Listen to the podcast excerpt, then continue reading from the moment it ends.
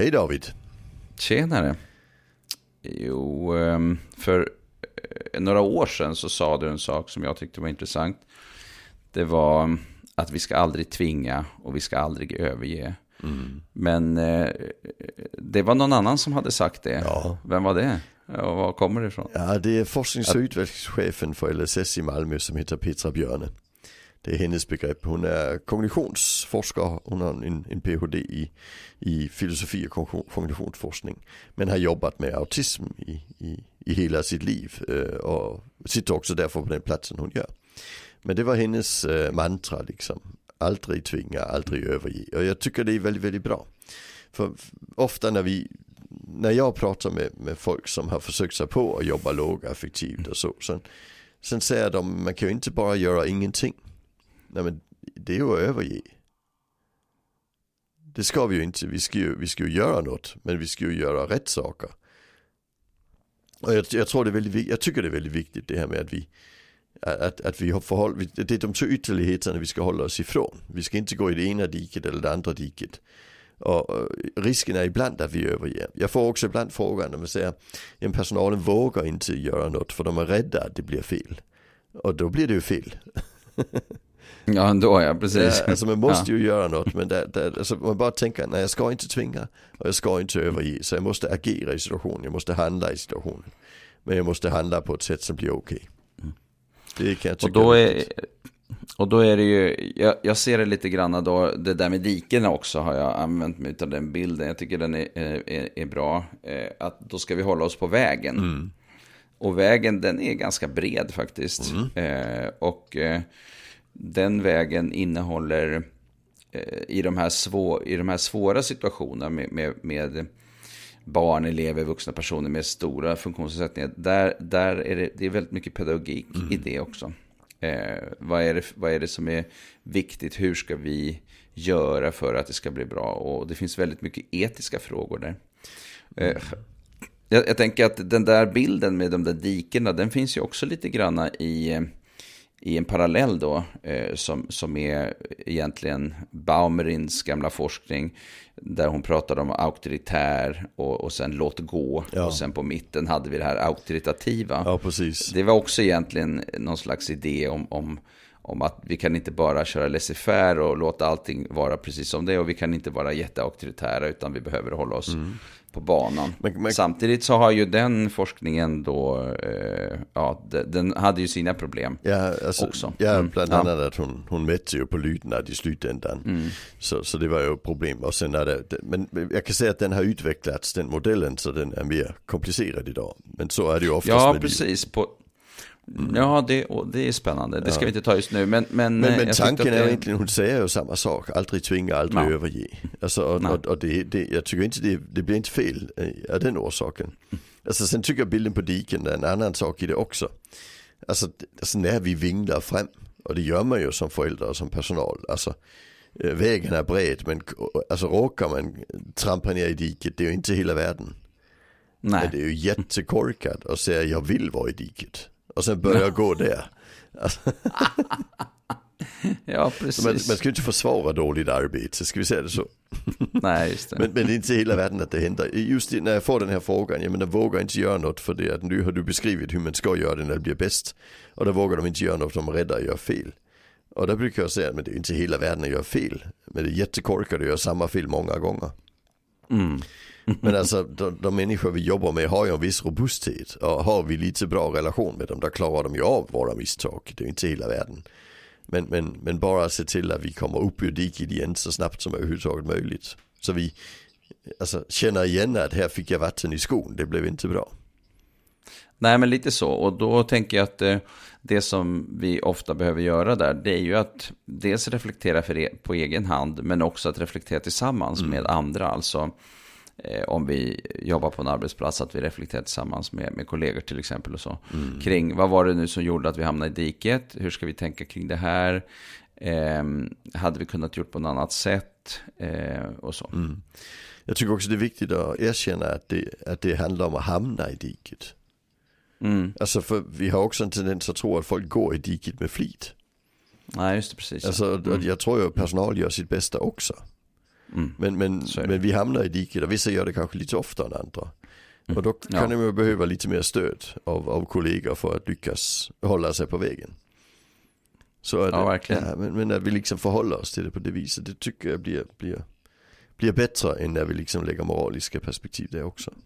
Ja, och jag tänker att det där är ju också, eh, ibland hamnar ju folk i diket av, alltså etiskt, mm. hamnar i lite grumliga diken av etiska skäl. Liksom. Man har inte tänkt till. Mm. Jag tänker att det väldigt ofta handlar om, eh, inte illvilja, utan eh, att man helt enkelt har, man har inte förstått vidden av det, man har inte sett, liksom, man har inte tänkt så mycket på det. Nej. Precis. Obetänksamhet snarare än illvilja kanske. Ja, men jag tänker det oftast är så. Alltså det är också så att, att har vi bestämt oss för en, en, en ledstjärna eh, mm då, då kör vi ju på den utan att tänka på när, när det blir dilemma. Alltså har vi bestämt oss för att jag jobbar med träning så kanske man tränar personer där det inte funkar. Eller men, vi har ju snackat om träning förut. Eller bara kör vidare i det spåret liksom. Så alltså dilemman är ju bra. Eh, jag fick en sån jättefin bild på ett dilemma. Eh, det var min kollega Hanne hon sa ju, men alltså, ett, ett, ett, ett dilemma liksom när man tänker, fan nu är det två motsatt rättade lösningar här och då kan jag liksom inte riktigt handla. Och sen jämförde hon med en katt. Alltså du tar en katt och sen tar du en syltsmörgås. Och sen spänner du fast syltsmörgåsen på katten med syltet uppåt. Och sen slänger du den ut genom fönstret. Alltså den kommer ju aldrig någonsin att träffa marken. För katter kommer ner med benen först och syltsmörgåsen mm. kommer ner med sylten först, eller hur?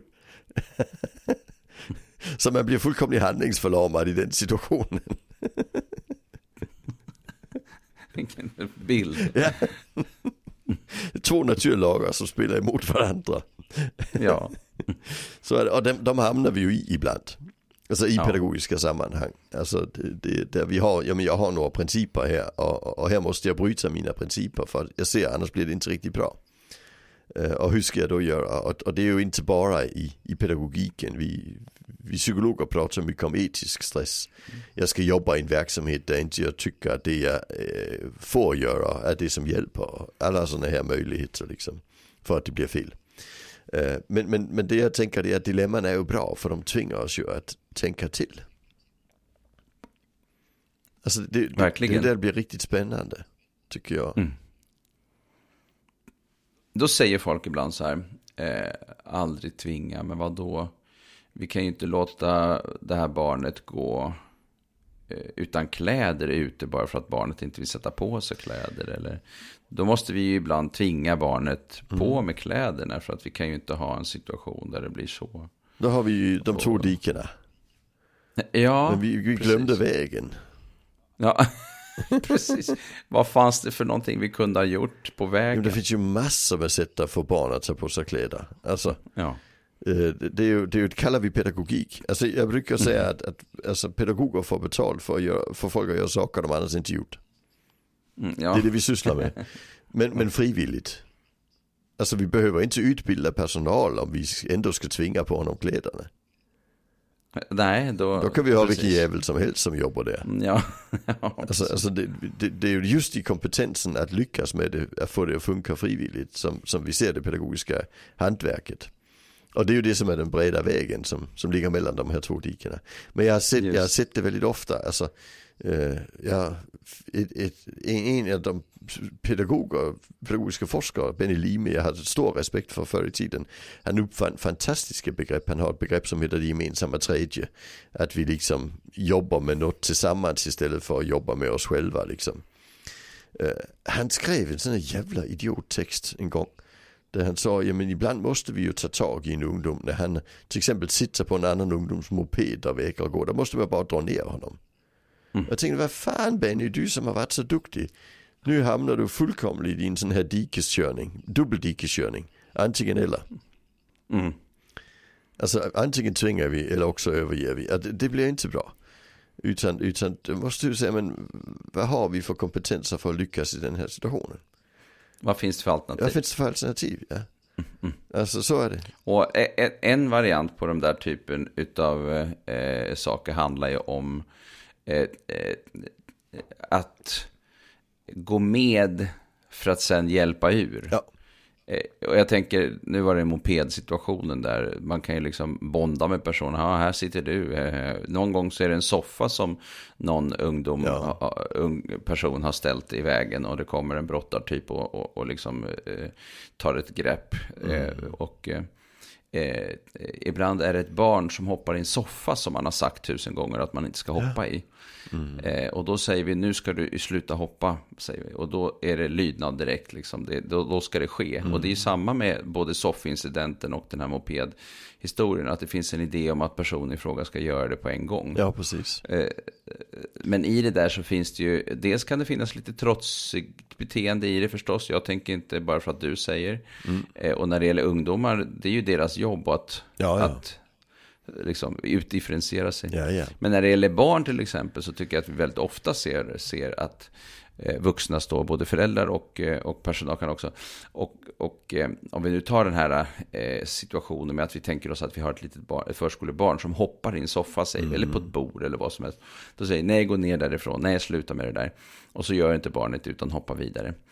Eh, en väldigt enkelt sätt att få personer, eller enkelt, men ett sätt som skulle kunna vara möjligt att få personer att hoppa, det är att nu hoppar vi tillsammans. Och ett och två, fem gånger, ett och två, och tre och fyra mm. och fem. Och sen hoppar vi ner på bordet. Mm. Och sen nu går vi och gör det här istället. Det är en form av gå in i situationen och hjälpa barnet ur situationen. Ja. Precis. Det, det, alternativet diskuterades inte så mycket Nej. när det gällde den här soffincidenten. Utan då blir det så antingen eller. Ja. Antingen ska vi släppa helt och låta det vara. Eller så tänker man sig att då ska man ta i med hårdhandskarna. Och något däremellan finns inte och det är ju helt barockt. Ja, soffincidenten känner jag ganska väl till. Eh, och den hade det ju satt sig bredvid pojken. Alltså det är ju inte besvärligt. Han kommer inte sitta där hela dagen. Han var dessutom inte i vägen som det Nej. stod i tidningarna. Det var ju bara, alltså man kunde ju gå runt soffan, det var inga problem. Så, så det var ju bara att någon tyckte att han skulle inte vara där. Alltså, Nej, och den typen av situationer är hur lätta som helst egentligen. Sen finns det en annan faktor som ja. jag tror spelar in i det fallet. Och det är det här med att det kan vara svårt att ändra beteende. Ja, alltså, så är det. Ja, eh, jag pratade med Frank Andersson av alla människor. Som, Jaha, som berättade för mig en, en historia en gång. Eh, Frank mm. Andersson var ju ganska öppen med sin ADHD. Ja, precis, han var ju det. Eh, och, och, han berättade om en av de sakerna han fick liksom lite, vad ska man säga, det, förståelse för sig själv i. När han väl fick ja. sin diagnos. Det var en situation när han var relativt ung. Hans föräldrar hade hyrt ett hus nere i Spanien och han körde ner på motorcykel liksom. Och sen när han kom fram så kunde han liksom inte sluta köra motorcykel. Alltså det är som om jag kunde liksom inte låta bli men jag skulle ju inte vidare. Så där körde han upp för trappan och in på gården och ner i poolen. för omgivningen fullkomligt oförståeligt beteende, eller hur? Ja, men det var enda ja. sättet att få stopp på eländet. Och det var inte för att han inte rent fysiskt kunde få stopp på motorcykeln. Men han kunde liksom inte sluta köra motorcykel. Alltså vi, kall, vi kallar det att perseverera med ett fackuttryck. Ja, liksom. det. Det, det ja. en, jag tycker det är en sån underbar historia. Alltså för jag ser det för mig, den där stora mannen liksom. Ja. poolen med sin motorcykel. Eh, men, men, men det handlar just om att, att hur fan gör man när man ska liksom släppa en, en sak och gå vidare till nästa liksom. Och det är det en del som har svårt för.